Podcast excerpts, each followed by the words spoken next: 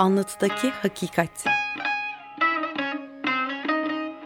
Akademisyenler, sanatçılar, sanatkarlarla metinler arası sohbetler.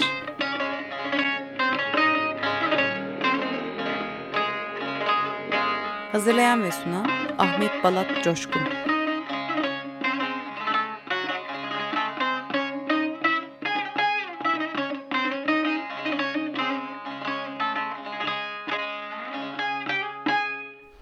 Merhaba, 94.9 Açık Radyo'dayız ve Anlatıdaki Hakikat programı canlı yayınında yine birlikteyiz.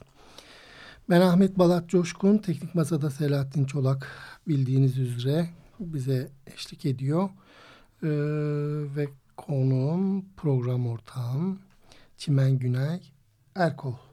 Onunla biz e, Shakespeare eserleri inceliyoruz. E, bugün Venedik tacirinde beden ve bağışlama konusunu konuşacağız. Hoş geldin Çimen. Hoş bulduk. E, gene müziklerimiz var. Müzikleri e, bize Yağmur Arı seçiyor. Onları e, size paylaşacağız. O halde biz konumuza hemen girelim. Sanki çok konuşacakmışız gibi geliyor. Başlayayım değil mi biraz anlatmaya? Hı hı. Ben hakikaten bu sefer Shakespeare okurken hiç bu kadar gerilmemiştim. Ee, gerilimli bir oyun Venedik taciri.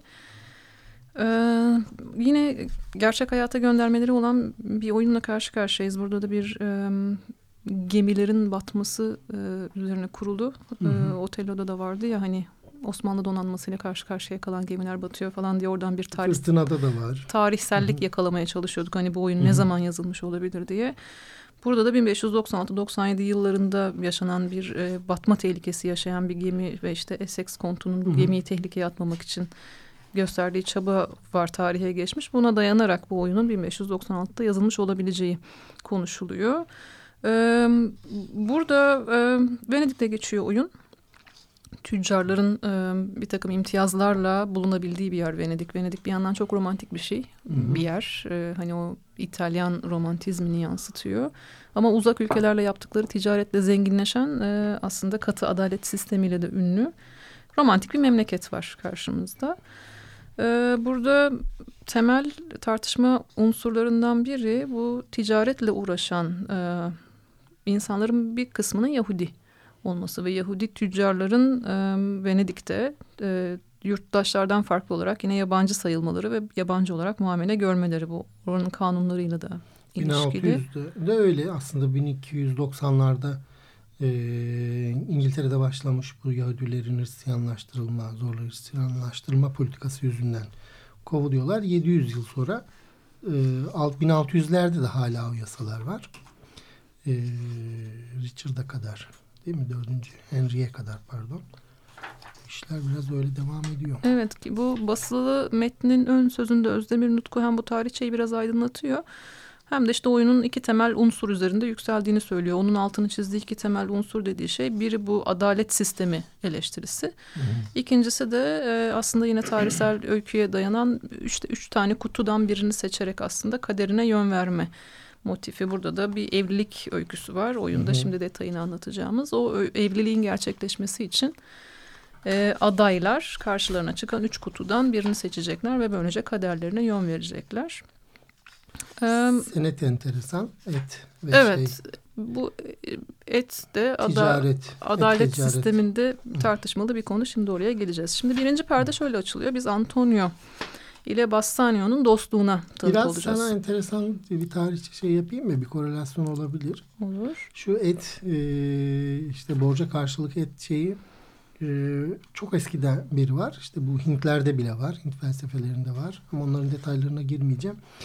Esas bizim ya ülkemizde bir şey var. Ben bunu tam şey yapmadım böyle. iyice irdelemedim ama önemli bir kısmını doğru e, anımsayarak söyleyeceğim galiba.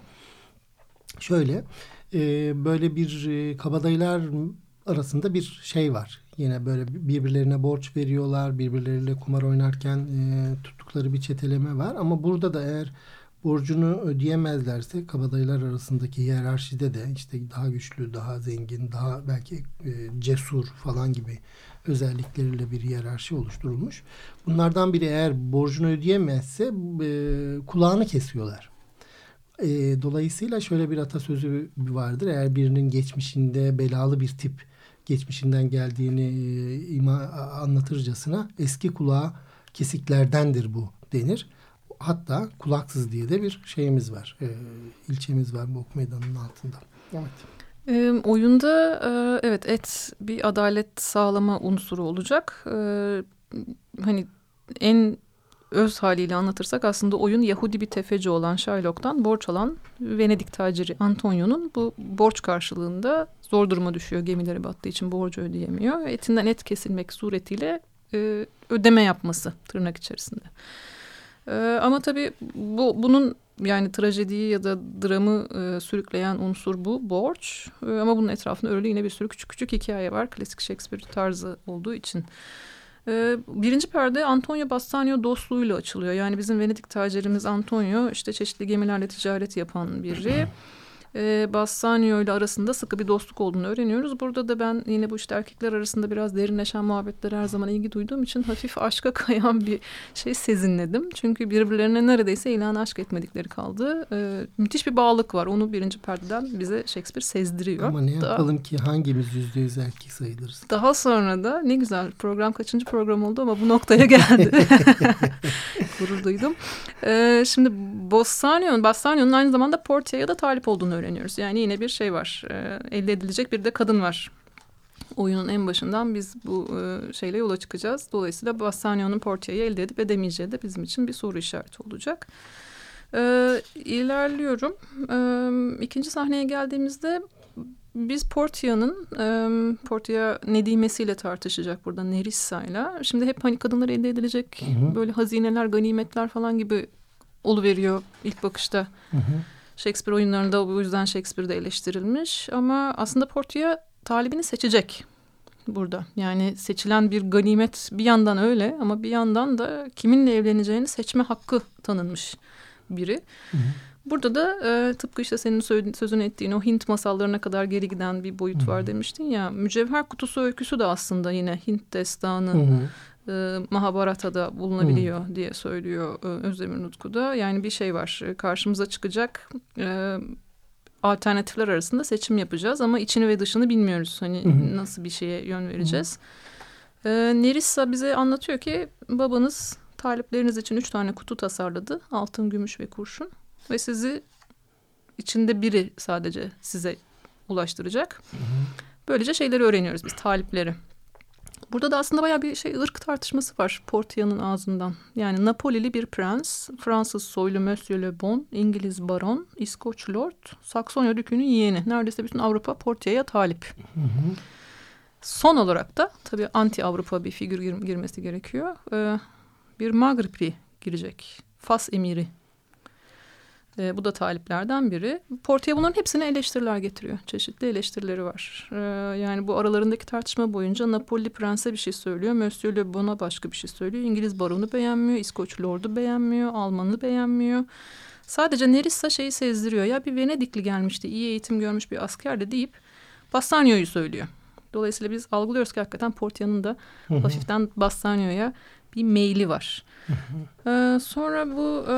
E, karışamayız. Kimisi karışmıyoruz seçiyor. tabii. Ne münasebet. Ee, Shylock'un e, Antonio ile olan anlaşmasını görüyoruz daha sonra. Ee, bir borç tartışması var burada.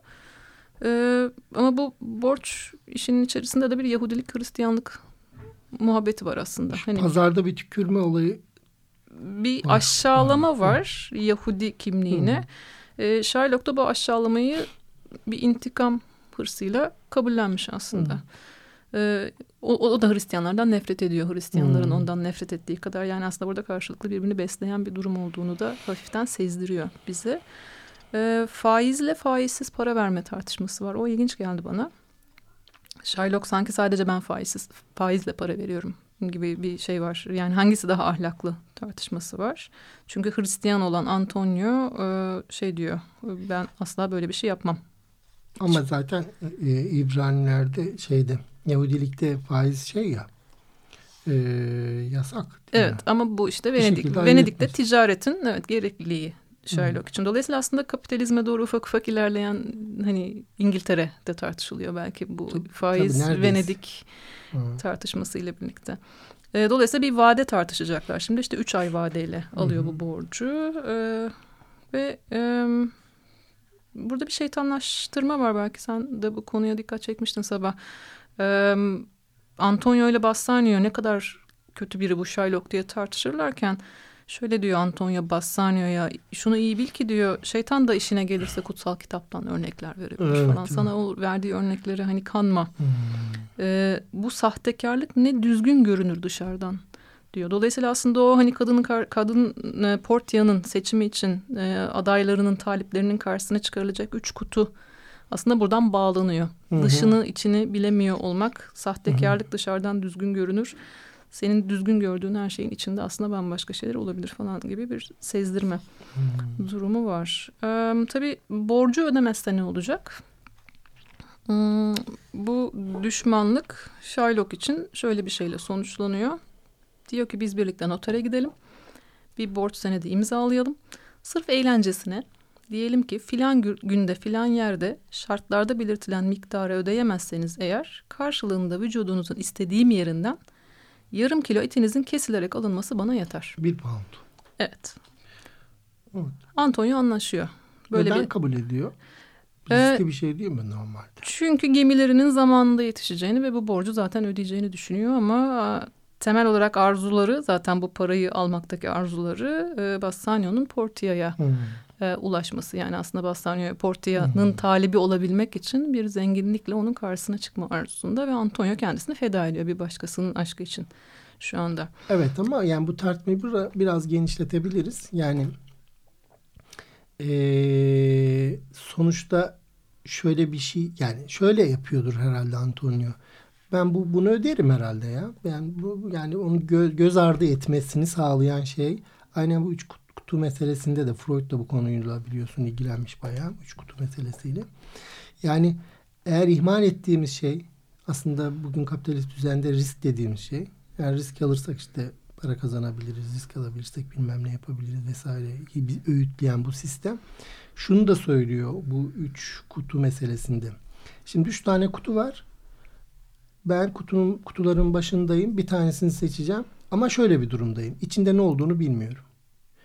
Yani başıma gelmeyecek olanı e, diye düşünüyorsun ya o arada. Hani nasıl olsa ben e, paramı öderim ve etimden bir parça gitmez diye düşünüyoruz. Ama Freud diyor ki eğer bilmeden bir tercihte bulunuyorsan kutunun içindeki ölümdür diyor. Hı hı.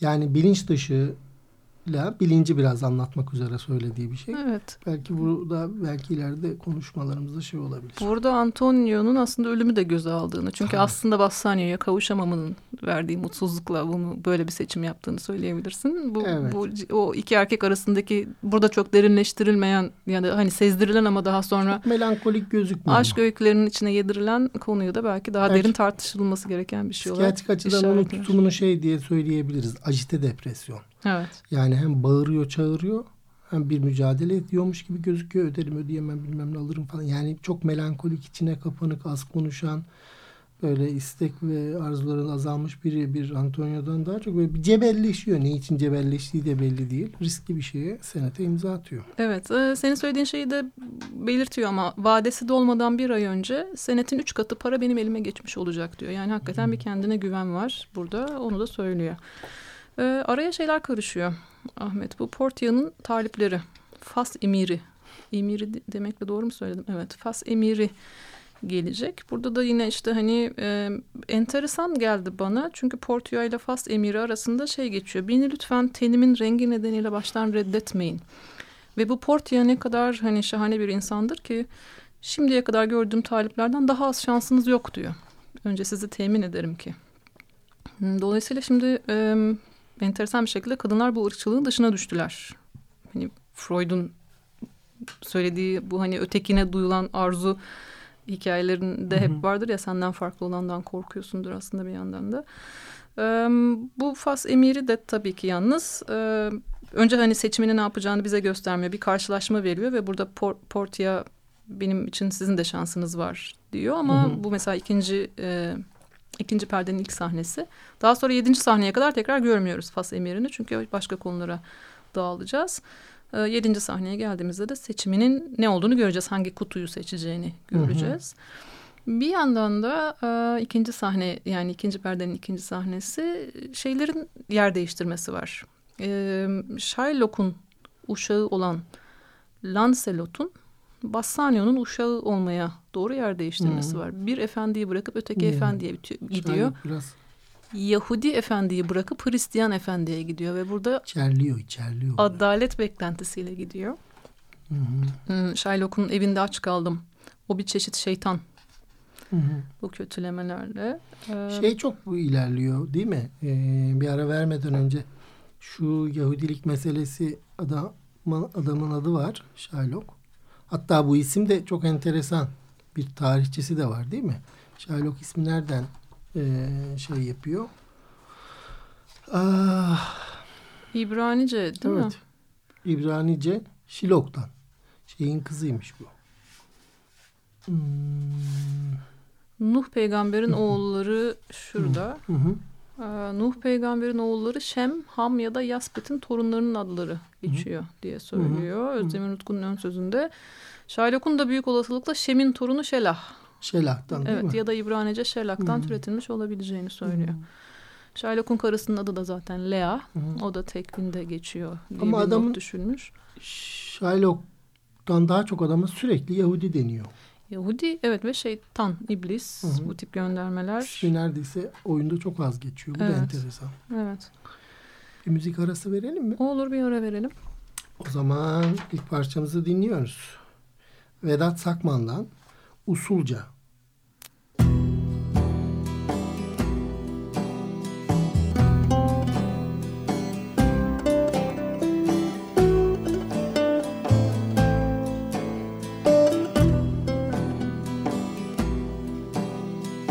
Usulca inlere sığınmak düşer aklıma. Kara kışlarda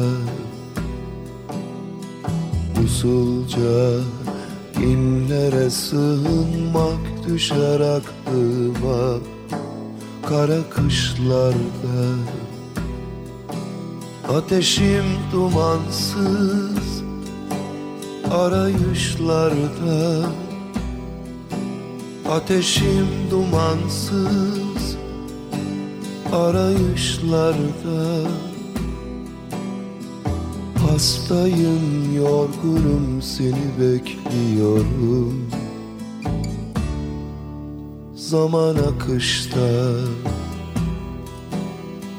Hastayım yorgunum seni bekliyorum Zaman akışta Sussam dilime yazık Uçmamak kanatlarıma.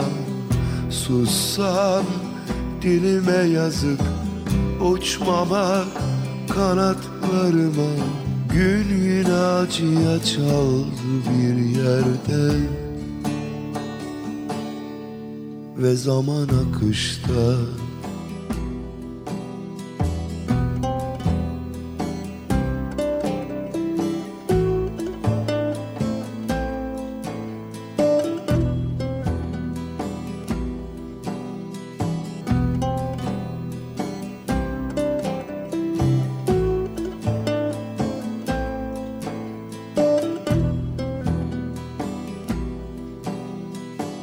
usulca inlere sığınmak düşer aklıma.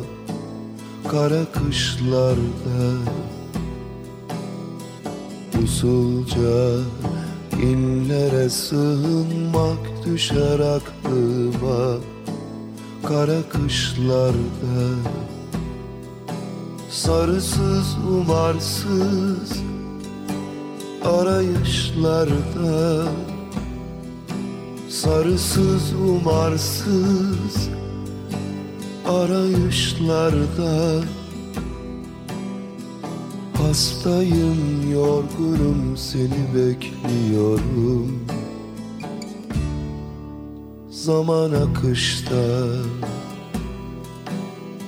hastayım yorgunum seni bekliyorum Zaman akışta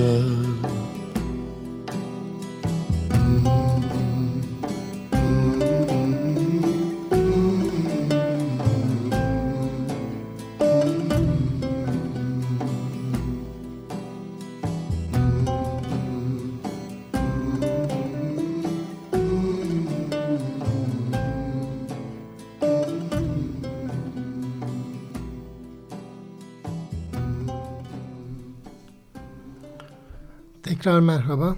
94.9 Açık Radyo'dayız. Anlatıdaki Hakikat canlı yayınında Shakespeare eserlerini incelemeye devam ediyoruz. Akademisyen Çimen Günay Erkol ile. Ee, Vedat Sakman söylemişti. Ona da buradan merhaba diyoruz. Usulca adlı parçayı dinledik. Ee, Çimen şu kılık değiştirme enteresan böyle değil mi? Bir şekilde ilerliyor.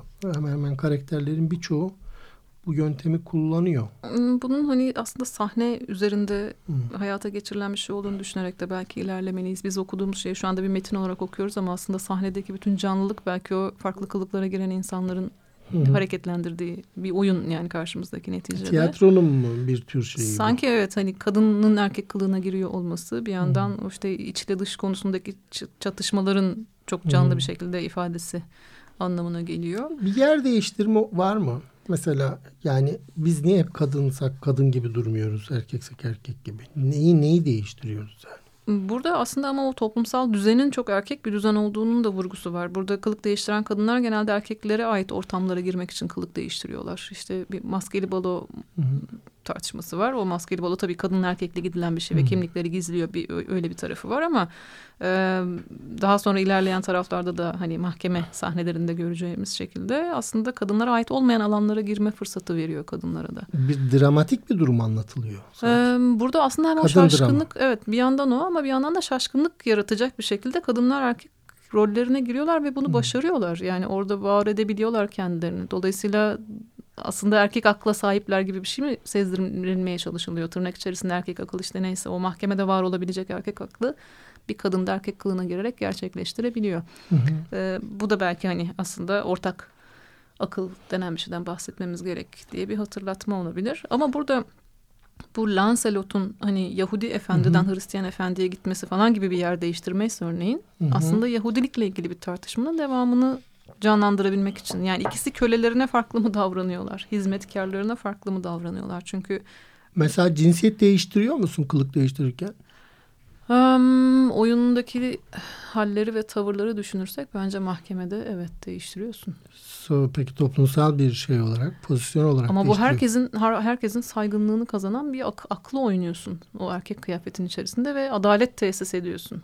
Bir kadın olarak. Evet aslında kadın olarak ama onlar bunu bilmiyor. Kadın olarak tesis etmene izin vermiyorlar o adaleti. Erkek kılığının içerisinde sözün dinleniyor. Peki kılık değiştirirken mekan ve zaman değişiyor mu? Sınırlanıyor mu ya da? Hmm, bu oyun için düşünürsen burada mekan da zaman da çok kaypak. Yani Ama mesela kadın bir mekan aynı zamanda. evet o mekanı bir yerden alıp başka bir yere koyuyorsun Mesela ama aslında Kadının hayatı yaşamada e, ki zamanı da kadına ait bir zaman. Yani kadın zamanı diye bir şey var yani sonuçta. Yani bu mekanı da bu kadına ait bedeni de bir mekan gibi düşünürsek kılık değiştirip erkek rolüne girdiğimizde yani sahiden bir değişme var mı yoksa hep yerimizde mi sayıyoruz? Bu ikircikli bir şey ya. Hani gerçekten bir değişim var ve topyekun bir şey değişti desem e, gülmeceyi besleyen unsur bu olmaz Hmm, ki. Değişmeyen tamam. bir şey kaldığı için aslında kılık değiştirilmesine Evet. rağmen içeride o hala bir kadın olduğunu bildiğin için orası gülmece Hmm. unsuru bir yandan da ya da şaşırtmaca. Peki gül, güldürerek aslında burada bir yani abartılı bir anlatı ya bu sonuçta. Hı. Yani neyi dramatize ediyoruz? Neyi neyi canlandır, neyi oynamaya çalışıyoruz? orada? Valla benim bütün hani Shakespeare oyunlarından zaten aklımda kalan tortu e, o kimlik dediğiniz şeyin içinin hiçbir zaman net bir şekilde sabit bir şeyle dolmayacağı. Yani Hmm. kadınsan aslında erkek, erkeksen aslında kadın, Yahudiysen aslında Hristiyan, Hmm. Hristiyansan aslında Yahudiye atfedilen Hmm. özellikleri taşıyorsun. Bunun biraz farkına varmanız gerekiyor gibi bir şey sezdirmeye çalışıyor. Hiçbir programda üst üste bu kadar soru sormamıştım. o zaman şey yapalım. İlerleyelim İlerleyelim, biraz. evet. Evet, çünkü mahkemeye doğru gelmeliyiz. Derli toplu aslında kısaca bir özet de belki eninde sonunda yapılabilir. Anlıyor mu acaba dinleyicilerimiz? Ee, ya okumamış yani Venedik tacirini okumamış insanlar için takip etmek biraz zorlaşıyor parça parça üstünde Hmm. konuşursak ama belki en baştan başını ve sonunu söylersek takip etmek daha kolay olabilir ama o da oyunun sürprizini kaçıracağı için Bir de başından beri ayrıca ya. değil mi? Ha, tabii tabii. Kesinlikle. Onlar yerine sen oku desem sen de çok çalışıyorsun. Ben zaten okuyorum. Okumaktan vallahi gözlerim acıdı. Dördüncü sahne Maskeli Bolo. Hmm, Maskeli Bolo sahnesine e, bizim sevgili Portia'mızın e, bir kılık değiştirerek e, gidecek. Yok Jessica gidecek. Portia değil. Jessica Shylock'un kızı. Ve Jessica e, işte Lancelot artık efendimden ayrılıyorum Bassanio'nun efendiliğini kabul edeceğim şeklinde kararını öğrenince bir veda e, sahnesi var burada. Orada söylüyor ilk defa ben Lorenzo'nun karısı olacağım ve Hristiyan olacağım e, diye. Dolayısıyla aslında burada işte bir geçişi de yani bir efendiden ötekine geçen Lancelot'un yanında biz Jessica'nın da Musevilikten, Yahudilikten Hristiyanlığa geçme arzusunda olduğunu görüyoruz. Dördüncü sahnede bu maskeli balo sahnesinde de e, işte hani farklı kimlikler yan yana gelecek e, ve hani bir buluşma gerçekleşecek dışarıda dışarıda gerçekleştiremeyeceğimiz bir buluşma. Burada yine maskeli işte meşale taşıyan insanlar e, tartışılıyor. Jessica gidecek Lorenzo ile buluşabilmek için buraya ama Jessica olan çocuğu kılığında gidecek. Kılık değiştirecek ve meşaleci olacak. Bu belki işte hani aşıkların buluşması gibi o tatlı sahneleri var ya onun Hmm. onlardan birini oluşturuyor. İşte romantizmi besliyor. Karanlıklardan falan bahsediliyor. O olan kılığında dışarı çıkılacak. Güzel güzel bence her şeyi yaşamak lazım. Evet ama ha, şey gerçekleşmiyor. Maskeli eğlence iptal ediliyor. Ee, ama onlar da yelken açıp yelkenliğiyle dolaşacaklar. Böyle bir şeye karar verdiler. Bu sırada farklı damarları olduğu için şimdi oyunun e, tekrar şeye geliyoruz. Fas emirinin seçimine. Fas emiri Portia ile evlenebilecek mi? Üç tane kutu var önünde. Bu kutulardan birini seçecek. Ee, birinci kutu altın. Üzerinde şu yazıyor. Beni seçen birçok erkeğin istediği şeye kavuşur. İkinci kutu gümüş. Şu yazıyor. Beni seçen layığı neyse onu bulur. Üçüncü kutu kasvetli kurşundan. Uyarısı da dost doğru ve kaba. Beni seçen vermeyi bilmeli. Tüm fedakarlığı göze almalı. Portia'da birinin içerisinde sadece birinin içerisinde benim resmim var. O kutuyu seçerseniz ben sizinim diyor. Tüylerim diken diken. Burada Fas emirinin kendi kendisine neyi seçmeliyiz, kurşunu mu seçmeliyiz, kurşun fedakarlık mı yoksa bir tehdit unsuru mu? Yani bütün simgelerin de aslında farklı farklı okumaları olabileceğini kendi kendine sayıklayarak Fas emirinin konuşmalarında böyle dinliyoruz. Altını seçsem acaba ne olur? Altın gibi aklı olan boyun eğmez böyle şeylere falan. En sonunda altını seçiyor. Ee, Portia da güle güle diyor tabii ki. Ee, bu arada ilerleyen sahnelerde biz tekrar Jessica ile Lorenzo'nun işte yelkenli de gondolda birlikte görüldüklerini falan öğreniyoruz. Hı hı. Bir dramatik sahne şey. E, Bassanio ile Antonio'nun ayrılışlarına tanık olan Salarino. Hı hı. Bassanio ona en kısa zamanda döneceğini söyleyince o hiç gerek yok benim yüzümden işinde acele etme. Zamanın akışına bırak kendini. Yahudi ile benim aramdaki sözleşmeye gelince bunu sevdalı aklına hiç getirme. Keyfine bak. Sana en yakışan aşkını göstermektir sevgiline dedi. Tam bunları söylerken gözleri doldu. Başını çevirdi ve elini Bassanio'nun omzuna attı. Son derece duygulu bir hareketle Bassanio'nun elini sıktı. Böylece ayrıldılar. Diyor resmen iki aşığın birbirine Hmm. veda etme sahnesi gibi bir şeyi tanık olmuş. Bunu bir ötekine aktarıyor. Ama hani nasıl yorumlayacağı konusunda da bir fikri yok. Karşısındaki insan Solanio bu tanıklığı paylaştığı e, sanırım dünyayı Bassanio var diye seviyor diyor. E, hani muhteşem bir tanım. Yalnızlığını Hı da bundan iyi ifade eden bir şey herhalde olamazdı Antonio'nun. Daha sonra hani bu duygusallıkla tam tersi bir şey olsun diye galiba tekrar Aragon Prensi'nin bu sefer seçimine dönüyoruz bir, bir sonraki sahnede. Aragon Prensi de kendisinden bekleneceği üzere gümüş kutuyu seçiyor. Dolayısıyla o da Portia'ya kavuşamıyor. İlerliyorum. Tabii ki. Üçüncü perdeye geldim.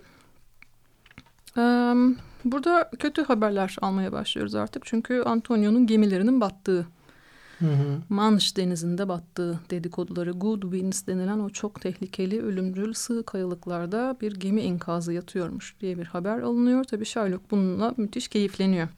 Çünkü borcunu zamanında ödeyemeyecek. Evet. Et olacak. Salarino da diyor ki etini kesecek değilsin ya ne işe yarar ki bu? Balık yemi olarak kullanılır diyor. Yani o kadar acımasız bir karakter ki karşımızdaki hiç kimseyi doyurmasa bile intikamımı besler diyor. Şimdi bu kadar kuvvetli bir nefrete niye sahip? İşte o pazarda tükürüldü ya. Niye hani bu noktaya geldi diye merak edenler için de müthiş bir açıklaması var kendisinin. Beni aşağıladılar, kaybettiklerime güldüler, kazancımla alay ettiler, halkımı hor gördüler ama tek bir kişi için değil de sanki bütün bir halk bir kavim için Hmm, intikam Yahudilik ya da. alıyor. Dostlarımı benden uzaklaştırdılar, düşmanlarımı kışkırttılar. Peki bütün bunlara sebep neydi? Ben Yahudiyim de ondan. İdea ile şey arasında da bir il- tartışma çıkabilir. Yani Yahudilik adına bir şey yapıyorum dediğimiz şeyin aslında kişisel öykümüzle, kişiliğimizle nasıl bir ilişkisi var? evet bu Shylock karakteri bence çok tartışmalı bir karakter. Çok tartışmışlar. Hani- Filmlerini yapmışlar. Al Pacino'dan Al Pacino nasıl yakışmıştır yalnız o role değil mi? Jeremy Irons. Evet. Ee, bu intikam üzerinde durulması gereken bir şey kesinlikle ve müthiş bir kavim adına alınan bir intikam yani yüzyılların intikamı alınacak gibi. Ama enteresan bir şekilde şunu da yapıyor Sherlock. Yani hani kendisini müthiş ötekileştiren bir sistemin içerisinde olduğunun farkında. O da tepki olarak ötekileştirdiğini söylüyor ve nefretini beslediğini söylüyor bu ötekileştirmeyle ama şey yapıyor. Yahudinin gözleri yok mu? Yahudinin elleri, organları, bedeni, duyguları, sevgileri, tutkuları yok mu? Aynı yiyeceklerle beslenmiyor mu? Silahla yaralanınca aynı acıyı duymuyor mu? Aynı hastalıklara yakalanmıyor mu? Bunu uzatıyor. Etimizi kesseniz bizim kanımız akmaz mı? Dolayısıyla yani aslında aynıyız Hı. demeye getirecek. Ama bütün bu doğru şeyler söylüyor Allah için. Şimdi. Ama sonra intikamdan vazgeçemeyişi onu galiba insan yıkılıyor. Yine de ben elbette intikam diyor. Hı. Bunu sizlerden öğrendim size uygulayacağım. Yani siz Hmm. merhamet etmediniz hani o yüzden ben de etmeyeceğim. Yine benim nefretimi besleyen şey. Yani onlara benzemekten bir yandan hoşlanmayan bir karakter bu. Ee, ama öğrettiklerinizin daha iyisini size yapacağım. Aslında bütün bu küçük sözleşmeyi bir akit imzalamaya çalışıyor ya borcunu ödemezsen birazcık et alacağım hikayesi. O zaman hukuki hukuken icrada yani cari olarak kullanılıyor bu. Evet. Ama e, yani İngiltere hukuku zemininde e, mücadele ediyor olması eğer iktidarda bir e, ırk ya da şey değilsen bakalım işe yarayacak mı? Evet onu, onu güçlü mü güçsüz mü kılıyor göreceğiz. Ben şey iyi sevdim. Bu tiratta e, Fırtınada Prospero'ya şey diyordu ya Kaliban. Hı. Konuşmayı senden öğrendim. Hı. Di- dilimi sen öğrettin bana falan. Aslında Hmm. hani o, o dil belki buradaki bu nefret dili falan şimdi de Hmm. aslında sizden öğrendim deyişi bir çeşit böyle bir postkolonyal düşüncenin içerisinde de oturan bir şey olabilir belki. Evet. Shylock e, bu intikamı alabilecek mi? Şimdi esas tartışma işte oyunda bu. Bir ara verebiliriz. Verelim sonra mahkemeyle devam edelim. İkinci müzik parçamızı dinliyoruz o halde. Melek Mosso'dan Umurumda Değil.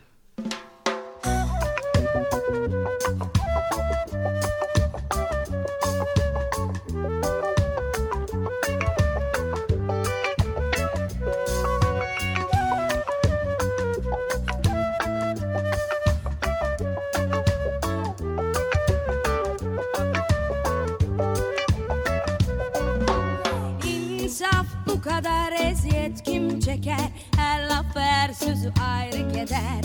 Özrü kabatinden de beter. İnsaf bu kadar eziyet kim çeker? Her laf her sözü ayrı keder. Özrü kabatinden de beter. Sor boş duvarlara Boş kollarına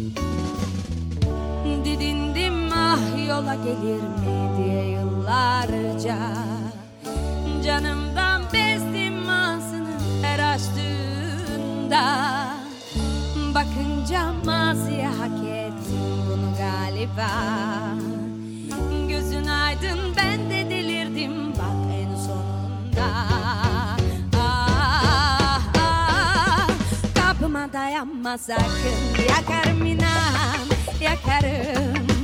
Rezil olur ele güne aldırmadan hiç kimseye. Yakar Parça seni atarım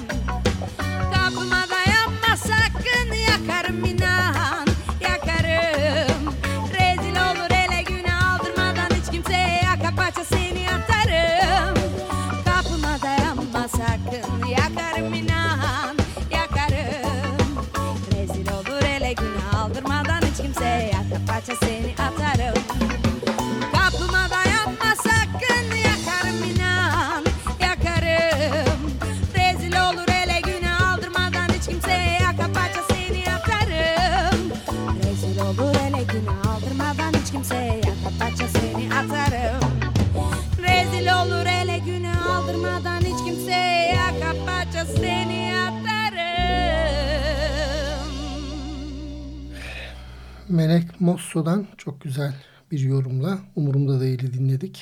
Sayeden o da merhaba diyelim. E, 94.9 Açık Radyo'dayız sevgili dinleyiciler.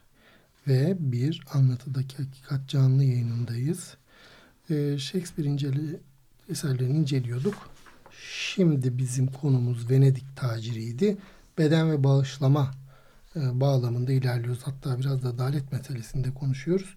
Son kaldığımız yere bir iki laf edebilirim. Şu Kaliba'nın dili senden öğrendim şey üzerine. Şimdi aslında e, bir anlam kendi hükmünü sürüyor. İşte adaletsizlik. Orada bir anlam var. İkili ilişkilerde anlam var. Dolayısıyla da anlam aslında e, dili de yaratmaya başlıyor. Yani kendi dilini arıyor ve karşılıklı olarak birbirimize dil e, yaratımında da bulunuyoruz. Aynen şöyle görünüyor. E, yani balığın balık yakalamak için kancanın ucundaki yemi arayan şey gibi bu. Yani anlam geliyor hapı yutmak üzere bir tür e, şey yiyor. Kancayı yutuyor. Bir taraftan da aslında hani anlam arayışı diye bir şey var. Ya hani bir taraftan e, dili aracılık etmediği e, bir süreç var. Biraz biz bundan uzaklaşıyoruz. Yani insan aslında böyle e, bu dil edinmesiyle birlikte e, hakikaten biraz zorluklar da yaşıyor. Yani sancılı göründüğünde siz bana yemek vermeye kalkabilirsiniz. İstediğim başka bir şey olma ihtimali aklınıza gelmeyebilir. Çünkü dil bizi etiketliyor. Her sancılı durumun parayla giderilemeyeceği gibi. Evet. Uzatmayayım. Şeye doğru ilerleyelim şu sahnelere ve Şimdi zaten gerilim yükselip e, iki yönden yükseliyor. Birincisi Portia'nın bu kutularını kim seçecek ve artık hani kim onunla birlikte olmaya hak kazanacak. İki adayı eledi. En son Bassanio gelecek. Kutuyu bulabilecek mi? Bir yandan da Shylock a, parasını alamadığı için artık durumu mahkemeye taşıyacak ve mahkeme de çözümlenebilecek mi? Yoksa Shylock bağışlayacak mı borcu? Ee, Şimdi bu dördüncü perdenin birinci sahnesinde artık Venedik Dükü de olaya karışıyor. Çünkü bir karar verici lazım. Onun huzurunda Hı hı. çözümlenecek. Ee, ve çağırıyorlar. Ee, buradaki konuşmalar esnasında yine e, bir önce şeye çağırıyorduk. Yani affetmeyim ihtimalini bir yokluyor. yarım kilo et kesilsin diye diretiyorsun. Ama bunun bu içindeki insanlık duygusu ve sevgisi hiç yok mu? Hani bir bor- borçtan vazgeçmek diye bir ihtimal de var. Bunu bir yokluyorlar önce. Buradaki şeyler e, sesleniş de ilginç. E, işte ödün vermeyen yürekleri çakmak taşı sertliğinde inatçı Türkler gibi olma. Ve tabii inatçı Türkler ve duyarlılık incelik nedir bilmez Tatarlar gibi olma. Yani affedici olmayan unsurlar bunlar. E bizim onlar yakın ırk şeyimiz. Orta Asya'da şeydi ya biz. Bu sertlik insani bir şey değil. Affedici olmaya davet ediyor. Hepimiz bir beyefendiye yaraşan anlayışlı bir yanıt bekliyoruz senden Yahudi diyor. Neredeyse barbarlık ve modernizm karşılaşmış yani bir sahnede. Hı. Barbar olma işte affetmeyi öğren diyecek. Ama niye affetmek Yahudi'ye düşüyor? Sherlock da o anlamda inatçı. Şimdi Hiç özledin mi Orta Asya'yı? ben mi? Ben hiç oradan ayrıldığımızı düşünmüyorum ya. Hı. Hala yaşatıyoruz. Hiç mi özlemiyorsun bir git geldiğin gibi şeye doğru? Tamam. Şimdi Shylock e, ikna edilemiyor. Dolayısıyla borcunu istiyor. Borç da ödenemediği için ne kadardı bir pound muydu? Bir pound kaç gram et eder? Et Hemen etinden et kesmesi 450 gerekiyor. gram efendim. 450 gram eti arzu ettiği bir yerden kesmesi gerekiyor. Şey var mı yanında alet? Tabii Tartı. tartısıyla gelecek mahkemeye. Tabii canım. Mahkemeye tartısıyla gelecek kadar işte insanlıktan çıkmış Shylock. Dolayısıyla Bıçak var mı? e, her şey hazır. Bütün her şey hazır ama tabii şey gerekiyor. Nasıl kestin? Ekspertiz. Ekspertiz tabii. Uzman. Bu nedenle bu nedenle genç bir hukuk doktoru gerekecek. Yani hani danışacaklar. Nasıl oluyor? iyi oluyor mu? Şuradan mı kesmemiz E bir hanım gerekiyor? kızımız artık. Gibi. Kılık mılık. Ama oyunun e, cilveli kısmı burası. Portia kılık değiştirecek. E, hukuk doktoru kıyafeti diyor. Bu nasıl bir şeyse. Herhalde enteresan İlk bir kıyafet böyle şey ya. giyilecek. Biraz evet. abiye falan. Mahiyetinde de 3-4 kişiyle yani otoritesinde perçinleyen bir grup insanla beraber bu mahkemeye gelecek. Dolayısıyla elinde de onun işte hukuk doktoru olduğuna dair bir mektup. Bu mektubu sunarak işte ben bütün bu davanın bilgisine sahibim. Dolayısıyla nasıl çözülmesi gerektiğini bana danışacaksınız E, diyecek. uzman yani. Uzman raporu. Ve. Shy. Shylock da saygı gösteriyor işin enteresan. Yani mahkemenin huzurunda bu insanın otoritesini kabul ediyor. E, güveniyor Evet. sisteme. Bir borç var. O borcu almak istiyor. Hani fazlasını istemiyorum gibi bir şeyler söylüyor. var elimde diyor. Ee, zaten Portia'da hak vererek başlıyor. Yahudinin yasal olarak tüccarın kalbine yakın bir yerden, şimdi bu biraz dramatikleşti tabii kalbine yakın bir yer diye geçmiyordu herhangi bir yerden diye geçiyordu. Şimdi kalbine yakın bir yerden kendi eliyle yarım kilo et kesmeye hakkı var diyor. Ama tekrar Shylock'a dönüp şey yapıyor. Yani merhamet göster, sen verdiğin borcun üç katını iste. Bunu Tamam. al konu kapansın. Bir çeşit arabulucu. Yani hani kansız halletmeye çalışma. Böyle aşama aşama güzel önerilerde bulunuyor. Bugün de var bu işler ya. Hala arabuluculuk evet. Hatta bugünler yeni oldu bir senedir. Şirket Em, kurabiliriz.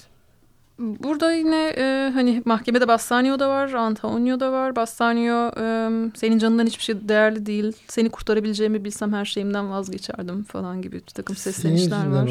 Bir yandan da onun yüzünden evet orada duyduğu suçluluk çok enteresan ama Portia şimdi bu hani beden meselesi için belki burada topu sana atmak adına şey Hmm. tartışmak lazım. Hani niye beden bu kadar Hmm. merkezi bir yere oturmuş durumda burada hani bu affedicilik tartışmasının içerisinde niye bedene müdahale kilit?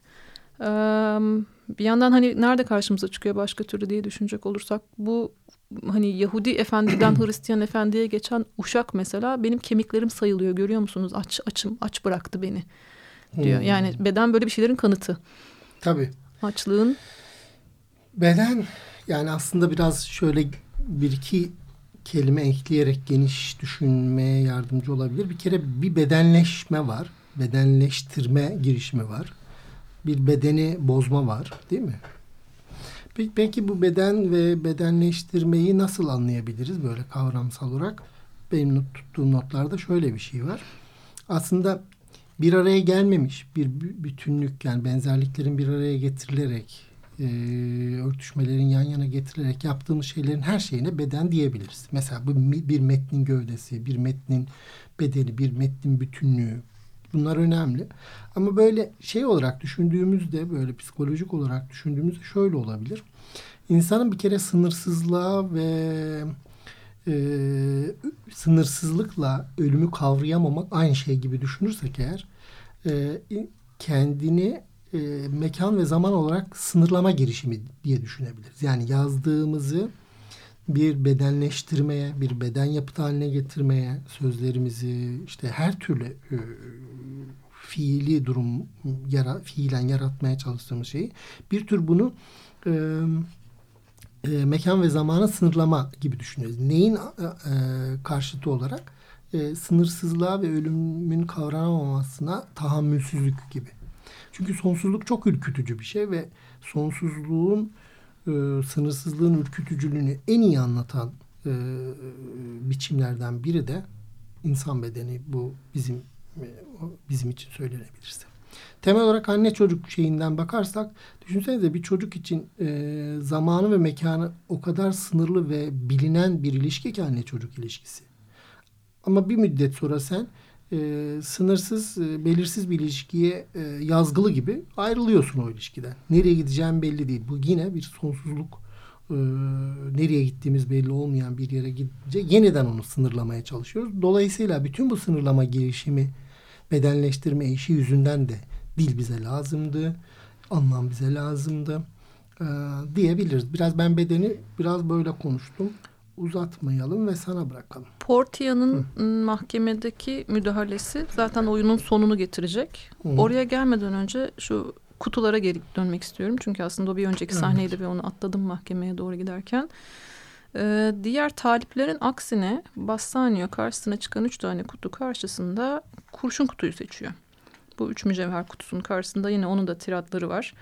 Portia'da meraklı bir bekleyiş içerisinde hani doğru olanı seçebilecek mi? Yanlış olanı seçerse artık sonsuza dek o şansı kaybedecek şeklinde. Ee, şimdi sen konuşurken cümleyi tekrar gördüğüm için dikkatimi çekti. Ee, Bassanio'ya seslenirken Portia sizin sihirli gözleriniz beni büyüleyip iki parça etti diyor bir parçam sizin öteki parçam da öyle. Hı-hı. Sanki hani bu beden beden Bedene şimdi müdahale, ikiye ayrıldı e, ama ruh ve beden olarak mı ayrıldı? Hı-hı. Hani ruhum sizde ama isterseniz bedenim de sizin olacak. Yani yeter ki şu kutuyu bir Hı-hı. kutu olarak seçin. Çünkü babası vermeyecek doğru kutuyu seçmezse. Bütün gerilim artık doruk noktada. Mahkemeden hemen önceki sahne bu. Ee, ve Bastanio müthiş bir e, içgörüyle, öngörüyle dış görünüş çoğu kez yansıtmaz içinin ne olduğunu dünya hala süslerle avunup aldanıyor. Hı hı. Enteresan bir şekilde hem hukuk hem din eleştirisi koyuyor bunun altına. Yani dünya hala süslerle avunup aldanıyor dedikten sonra hukuku ele alalım. Duruşmada en yoz, en çürük dava bile etkili bir ses ve sözcüklerle kötülüğü gizlemiyor mu? Bugün hala. Evet. Dinde de böyle. Bir bilgiç ortaya çıkar, bir günahı kutsar diyor mesela.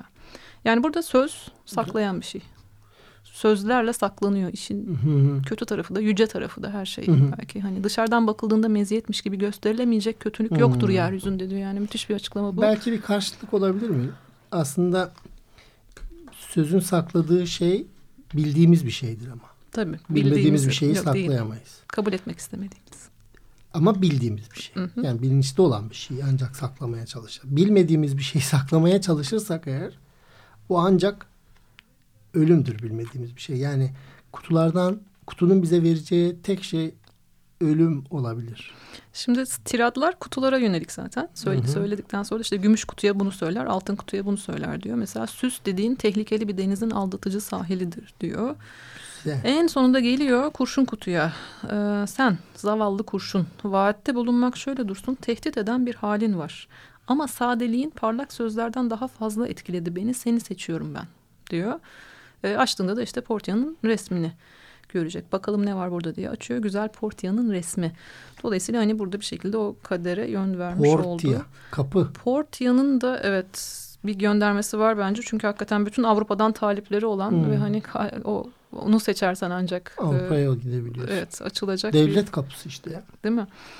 Sublime Port. Ee, bir yüzükle daha sonra taçlandırıyorlar işte hani bu seçimlerini. Ee, işte kaderin bir cilvesi olarak Portia'nın Nedimesi Nerissa da e, Bassanio'nun yanında Graziano ile evlenmeyi kabul ediyor. Yani bir çifte düğün söz konusu olacak. Şimdi mahkemeye gelelim. Portia Kılık... Ben sana sorular da soracağım. Bir beş dakikamız var yani. Tamam. Portia kılık değiştirmiş bir şekilde geldi. Hukuk doktoru olarak olaya el koydu. Ee, ve e, bütün bu sistemi alt üst edecek şeyler söyleyecek şimdi. Ortaya sonuçta bir kadın. Değil mi? Kadınlardan korkacaksın.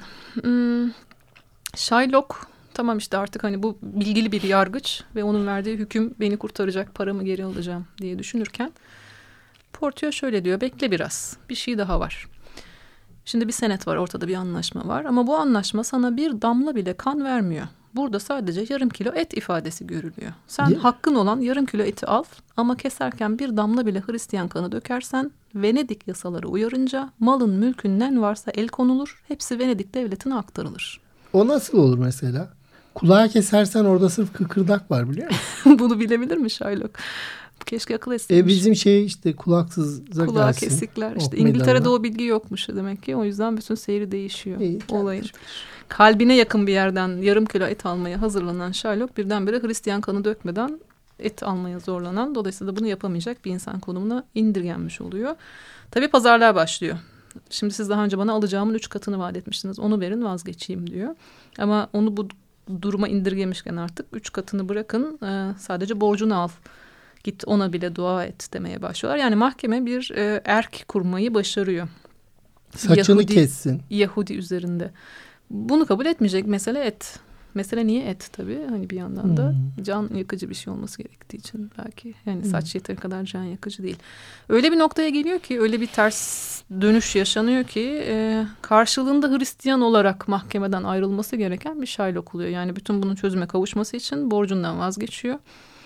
E, ona yapılan bu iyilik karşılığında e, Hristiyan olmayı kabul ediyor. Öldüğünde de bütün varını yoğunu aslında bir e, Yahudi ile evlenmek zorunda olan pardon e, Hristiyanla evlenmeyi kabul eden ve Hristiyanlığa dönmeyi kabul eden Jessica ile işte damadı Lorenzo'ya bırakmayı kabul ederek mahkemeden ayrılıyor.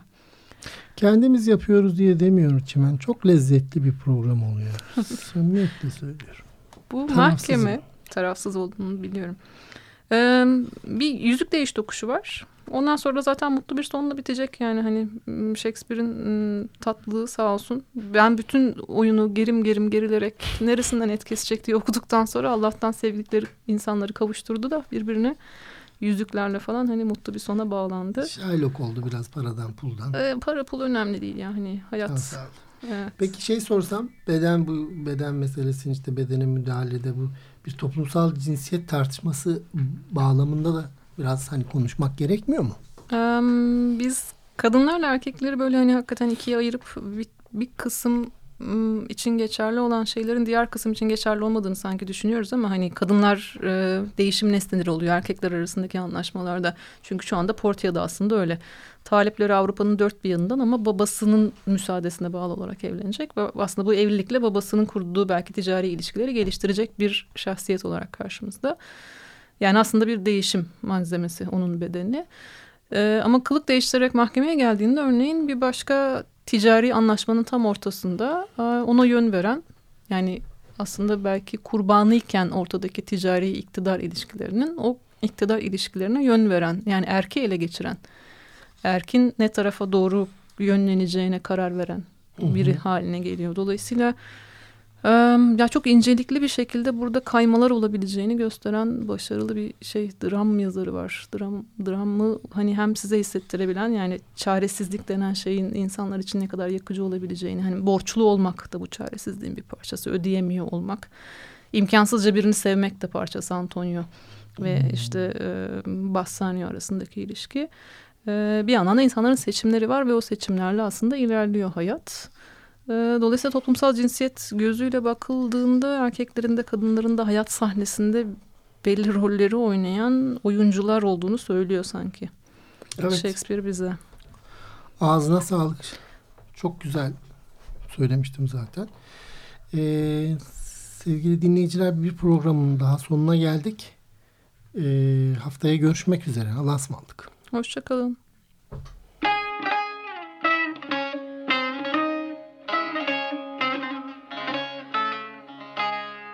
Anlatıdaki hakikat. Akademisyenler, sanatçılar, sanatkarlarla metinler arası sohbetler.